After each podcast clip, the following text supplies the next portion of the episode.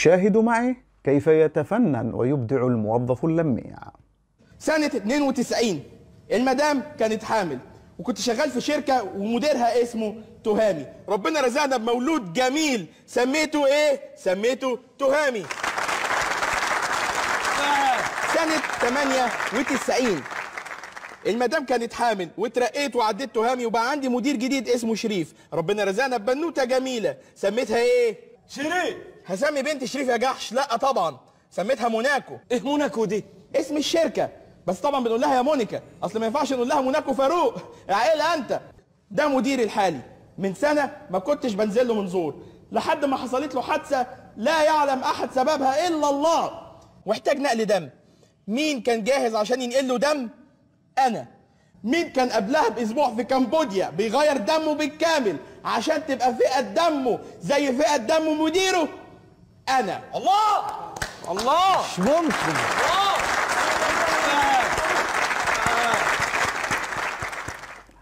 إذا نظرت عزيزي في بيئات الأعمال من حولك فستجد أصنافا من الموظفين ممن اعتادوا ومرضوا على التلميع وعلى مسح الجوخ وعلى التملق والنفاق الوظيفي. يتوافق هؤلاء مع المشرفين والمديرين السمعيين أو السماعين للكذب أو الودنيين كما يقول إخوتنا المصريين. فقد وافق شن طبقة. الشيء المثير للاستغراب أن الرياء الوظيفي بأشكاله وأصنافه من تملق ونفاق وظيفي أصبح أسلوبا وثقافة وتحول إلى سلوكيات محمودة ومقبولة بدلا من أن يكون سلوكا منبوذا ومرفوضا. تدور حلقتنا اليوم من بودكاست إدارة بوست حول التملق والنفاق الوظيفي. أسبابه أضراره ما الفرق بينه وبين الذكاء الاجتماعي وكيف يمكننا معالجته. استماعا شائقا وممتعا.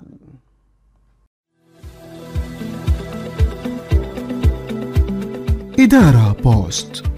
مع عبد العزيز القدسي. مرحبا بكم إلى حلقة جديدة من إدارة بوست. عنوان هذه الحلقة الموظف اللميع والمدير السميع.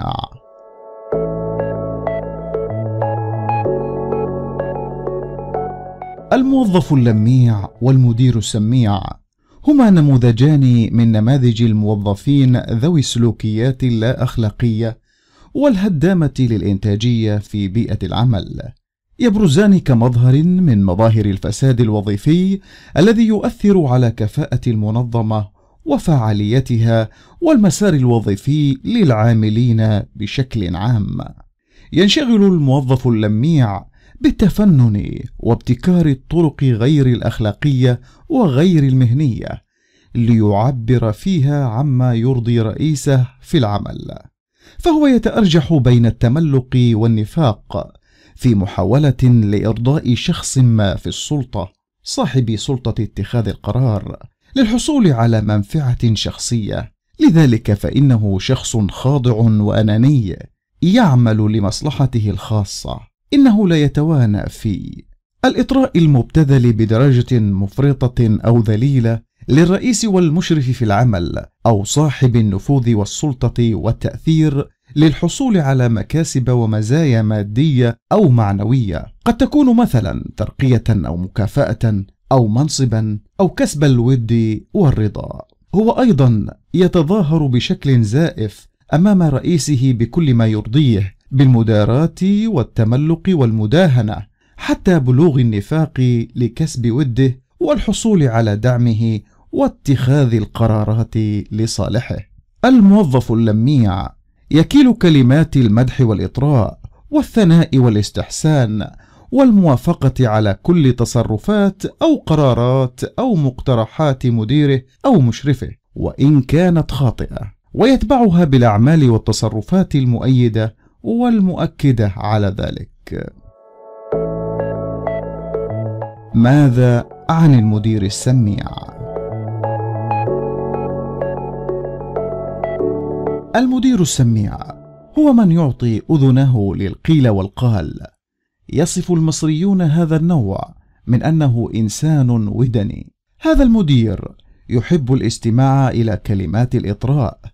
وسماع تفاصيل المواقف والأحداث والقصص المتعلقة بالعمل أو غيرها من تفصيلات شخصية وأسرار خاصة بحياة الموظفين وتعاملاتهم.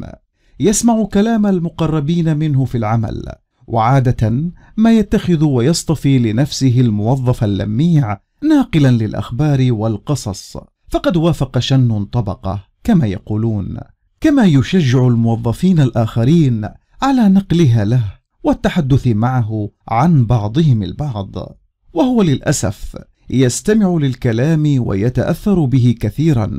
في العادة يكون لديه تخوف ما تحديدا من بعض الموظفين ناتج عن غيرة أو سوء ظن بمن حوله أو خوف من نجاحهم أو حب في السيطرة. وقد يكون السبب في ذلك أنه صادف بعض الخبرات السيئة في حياته جعلته أكثر تخوفا وتربصا بزملائه الموظفين. هل يتمتع الموظف اللميع بذكاء اجتماعي؟ قد يرى البعض للأسف أن الموظف اللميع ماسح الجوخ أنه يتمتع بذكاء اجتماعي وهو أمر ناتج عن تفشي ثقافة النفاق الاجتماعي عموما والوظيفي بشكل خاص بدعوى أن تلك السلوكيات من باب النفاق المحمود أو المجاملة المحمودة فلا مانع أن تكون منافقا في عملك أو حياتك إذا كان ذلك يسهم في حل مشكلاتك ويرضي رؤساءك عنك. غير أن هناك فرقا جوهريا وقيميا في الأمر فالذكاء الاجتماعي يعكس قدرة الشخص على التواصل الفعال مع الأفراد الآخرين وإدارة علاقاته معهم بكفاءة وفهم احتياجاتهم ودوافعهم. يتميز الأفراد ذو الذكاء البين شخصي أو الاجتماعي بحساسيتهم تجاه مشاعر الآخرين ومزاجهم ودوافعهم. إن الشخص الذكي اجتماعيا يتسم بالصبر والهدوء والإخلاص مع الآخرين والقدرة على التعامل بفاعلية مع المواقف والأشخاص. أما الموظف اللميع فهو مثال للنفاق الاجتماعي حيث يعكس سلوكيات الانتهازية والوصولية والنفعية. يمكن أن يتخلى ويفرط بالقيم والمبادئ من أجل تحقيق مصالحه الشخصية. لماذا يظهر الموظف اللميع والمدير السميع؟ هناك عدد من الأسباب التي تساعد وتشجع على ظهور الموظف اللميع وبروزه. منها أسباب ترتبط بالموظف اللميع نفسه. اولا من الأسباب الجذرية المساعدة على تفشي الموظف اللميع وبروز سلوكياته في التملق والنفاق. هو تخلخل وضعف منظومة القيم والأخلاق لدى هذا الموظف. وكذا تدني احترامه لنفسه وثقته بها فهو يستخدم النفاق والتملق لتجنب النظر إلى عيوبه والرغبة القوية في أن يحب ويقبل ويرضى عنه من قبل الرؤساء والمشرفين. كما أن ضعف القدرات والمهارات لدى الموظف اللميع هي إحدى العوامل التي تجعله يعوض ذلك بإرضاء مديره بالتملق والنفاق. أضف إلى ذلك فإنه يحاول الاحتماء والاستقواء بالمدير رغبة منه بالظهور والتصدر أمام الزملاء وأنه صاحب نفوذ بسبب قربه من المدير.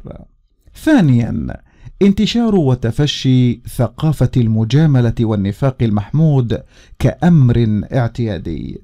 فيقتنع ويؤمن الموظف اللميع أنه لا مانع أن تكون مجاملا حد النفاق في عملك إذا كان ذلك يسهم في حل مشكلاتك في العمل أو نيلك المكاسب والامتيازات الوظيفية.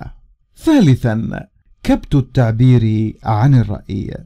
فعادة ما تؤدي عملية كبت الحريات لدى الموظفين وخاصة حرية الرأي إلى اللجوء إلى التملق والنفاق بين الأفراد العاملين الذين يخشون التعبير عن آرائهم بكل حرية. رابعا الرغبة في المغانم الشخصية. فكثيرا ما تدفع الرغبة في الحصول على المغانم الشخصية العاملين إلى النفاق والتملق إلى رؤسائهم في العمل وذلك من أجل الحصول على منافع شخصية يرغبون بها أو الحفاظ على الوظيفة والامتيازات التي يتمتعون بها. أضف إلى ذلك وجود مصلحة شخصية مشتركة بين الموظف والمدير. خامسا الأزمات والأوضاع الاقتصادية التي تؤثر على المنظمة حيث تحيط بالمنظمات أزمات كثيرة. تغذي النفاق والتملق الوظيفي. أهمها أزمة البطالة المنتشرة وهذا ما يدفع أي فرد يعمل في وظيفة ما إلى التمسك بها أو بالأحرى القتال من أجلها. الأسباب التي تتعلق بالإدارة ونظام العمل. وهناك عدد من الأسباب التي تتعلق بالإدارة ونظام العمل. ومنها اولا البيروقراطية والسلطوية والتمييز بين الموظفين من قبل الرؤساء ففي المنظمات التي تسود فيها ثقافة التسلط وعدم قبول الانتقاد يميل فيها الموظفون إلى التقرب من رؤسائهم ومشرفيهم بدافع الخوف واتقاء شرهم مثل حرمانهم من مكافأة أو مضايقتهم أو فصلهم. ثانيا عدم وجود لوائح وأنظمة واضحة تحدد من خلالها معايير الحصول على امتيازات وترقيات بكل عدالة وموضوعية. ثالثا شخصية المدير القائد.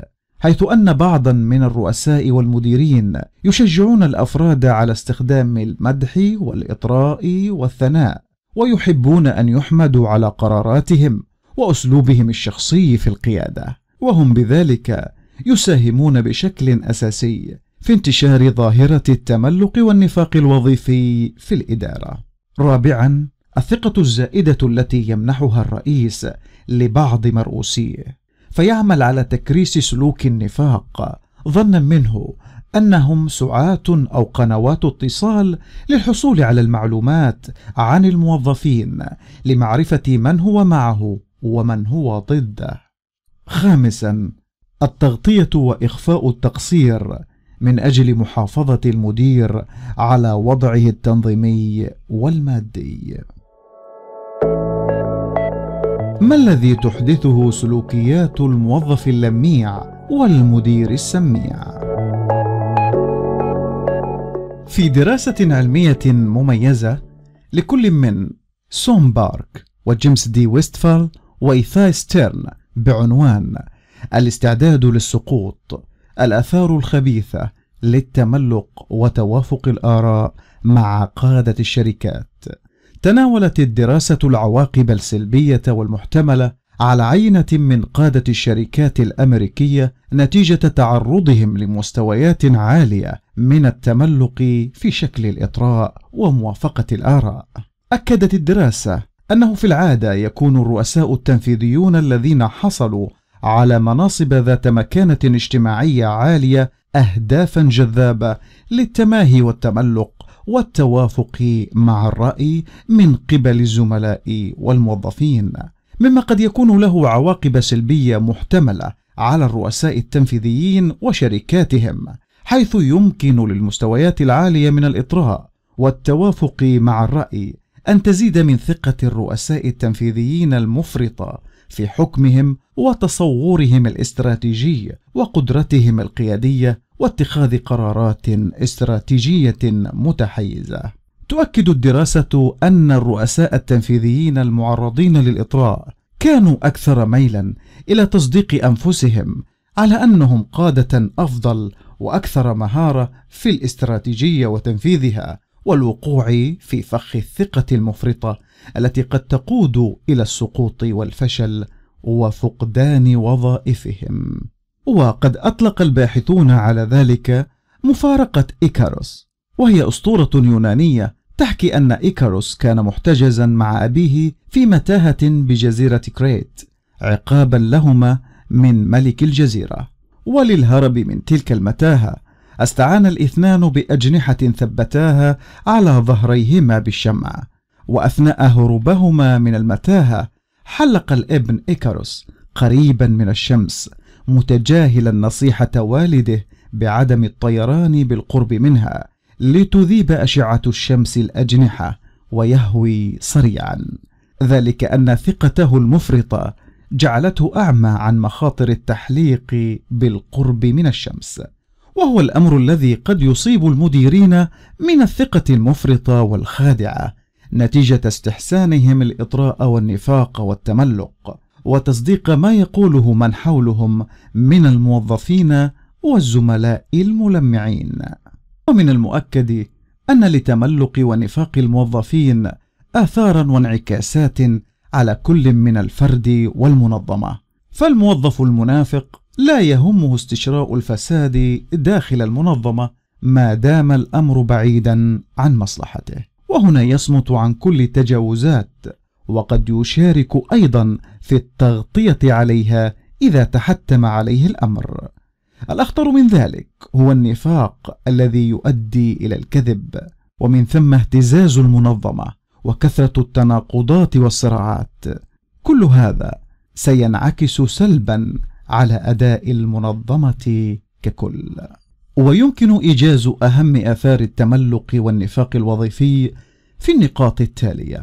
إنه يؤدي إلى تضليل المديرين ويجعل قراراتهم وسلوكياتهم غير لائقة. كما أنه يؤدي إلى عدم الالتزام الوظيفي وانخفاض الروح المعنوية للموظفين بسبب الشعور بالظلم وعدم المساواة وانعدام الأمن الوظيفي وقد يؤدي إلى ترك الأفراد المؤهلين للمنظمة والانتقال إلى منظمة أخرى. وعادة ما تكون البيئة التي يشيع فيها التملق والنفاق الوظيفي بيئة تنظيمية تتسم بالتوتر والصراع وانخفاض الإنتاجية والكفاءة والفعالية.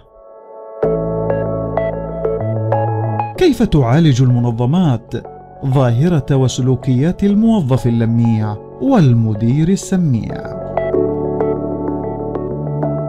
فيما يلي عدد من الخطوات يمكن اتخاذها لمعالجة ظاهرة التملق والنفاق الوظيفي والحد منها.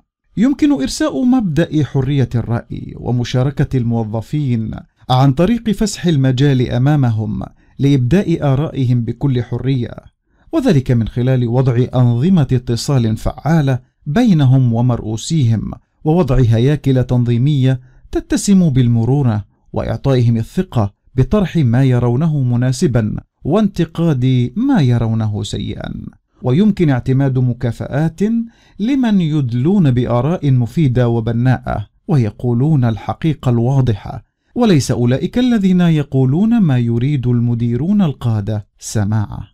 يجب على المنظمات سن الأنظمة واللوائح الواضحة المعايير سواء الخاصة بتعيين الأفراد المناسبين أو بالترقيات أو بتطوير المسار المهني للموظفين بحيث تكفل عدالة المكافأة والعقاب وموضوعية اتخاذ القرارات وتحمي الموظفين من سلطوية وديكتاتورية وتعسف القادة والمديرين ممن مردوا على حب النفاق والتملق. يمكن أيضا التركيز على انخراط الأفراد العاملين في برامج تدريبية بهدف تعزيز القيم الأخلاقية في العمل التي تقضي وتحد من سلوكيات الرياء والنفاق والتملق الوظيفي. هناك أيضا تقنية يمكن استخدامها وهي تعيين محام للشيطان. حيث يمنح شخص ما وظيفة صريحة تتمثل في تحدي وانتقاد الوضع الراهن. بهذه الطريقة يمكنك إزالة أو تقليل المخاطر المتوقعة والمتصورة التي قد تنتج عن الثقة الزائدة للمديرين الناتجه عن الإطراء والتملق ونفاق المحيطين بهم. كما يمكن تفعيل المسؤولية بحيث تكون القيادة هي المسؤولة عن كل تصرف للمرؤوسين والتزامها في تحقيق أهداف المنظمات. كما أن على المديرين والقادة ألا يعتمدوا على آراء دون أدلة ومقاييس. اعتمد كمدير وقائد. على كل رأي يسند ببيانات وأدلة ومؤشرات. اعتمد على البيانات وليس على الآراء الشخصية فقط. وللحد من التملق والنفاق الوظيفي يمكن البحث عن آراء خارجية وذلك من خلال طلب المشورة والرأي من المديرين الآخرين في مؤسستك أو من مستشارين أو من أشخاص تعرفهم يقومون بوظائف مماثلة. لا تعتمد فقط على الأصدقاء والموظفين المقربين والمداهنين. ابحث عن أشخاص ليس لديهم مصلحة في إخبارك بما تريد سماعه.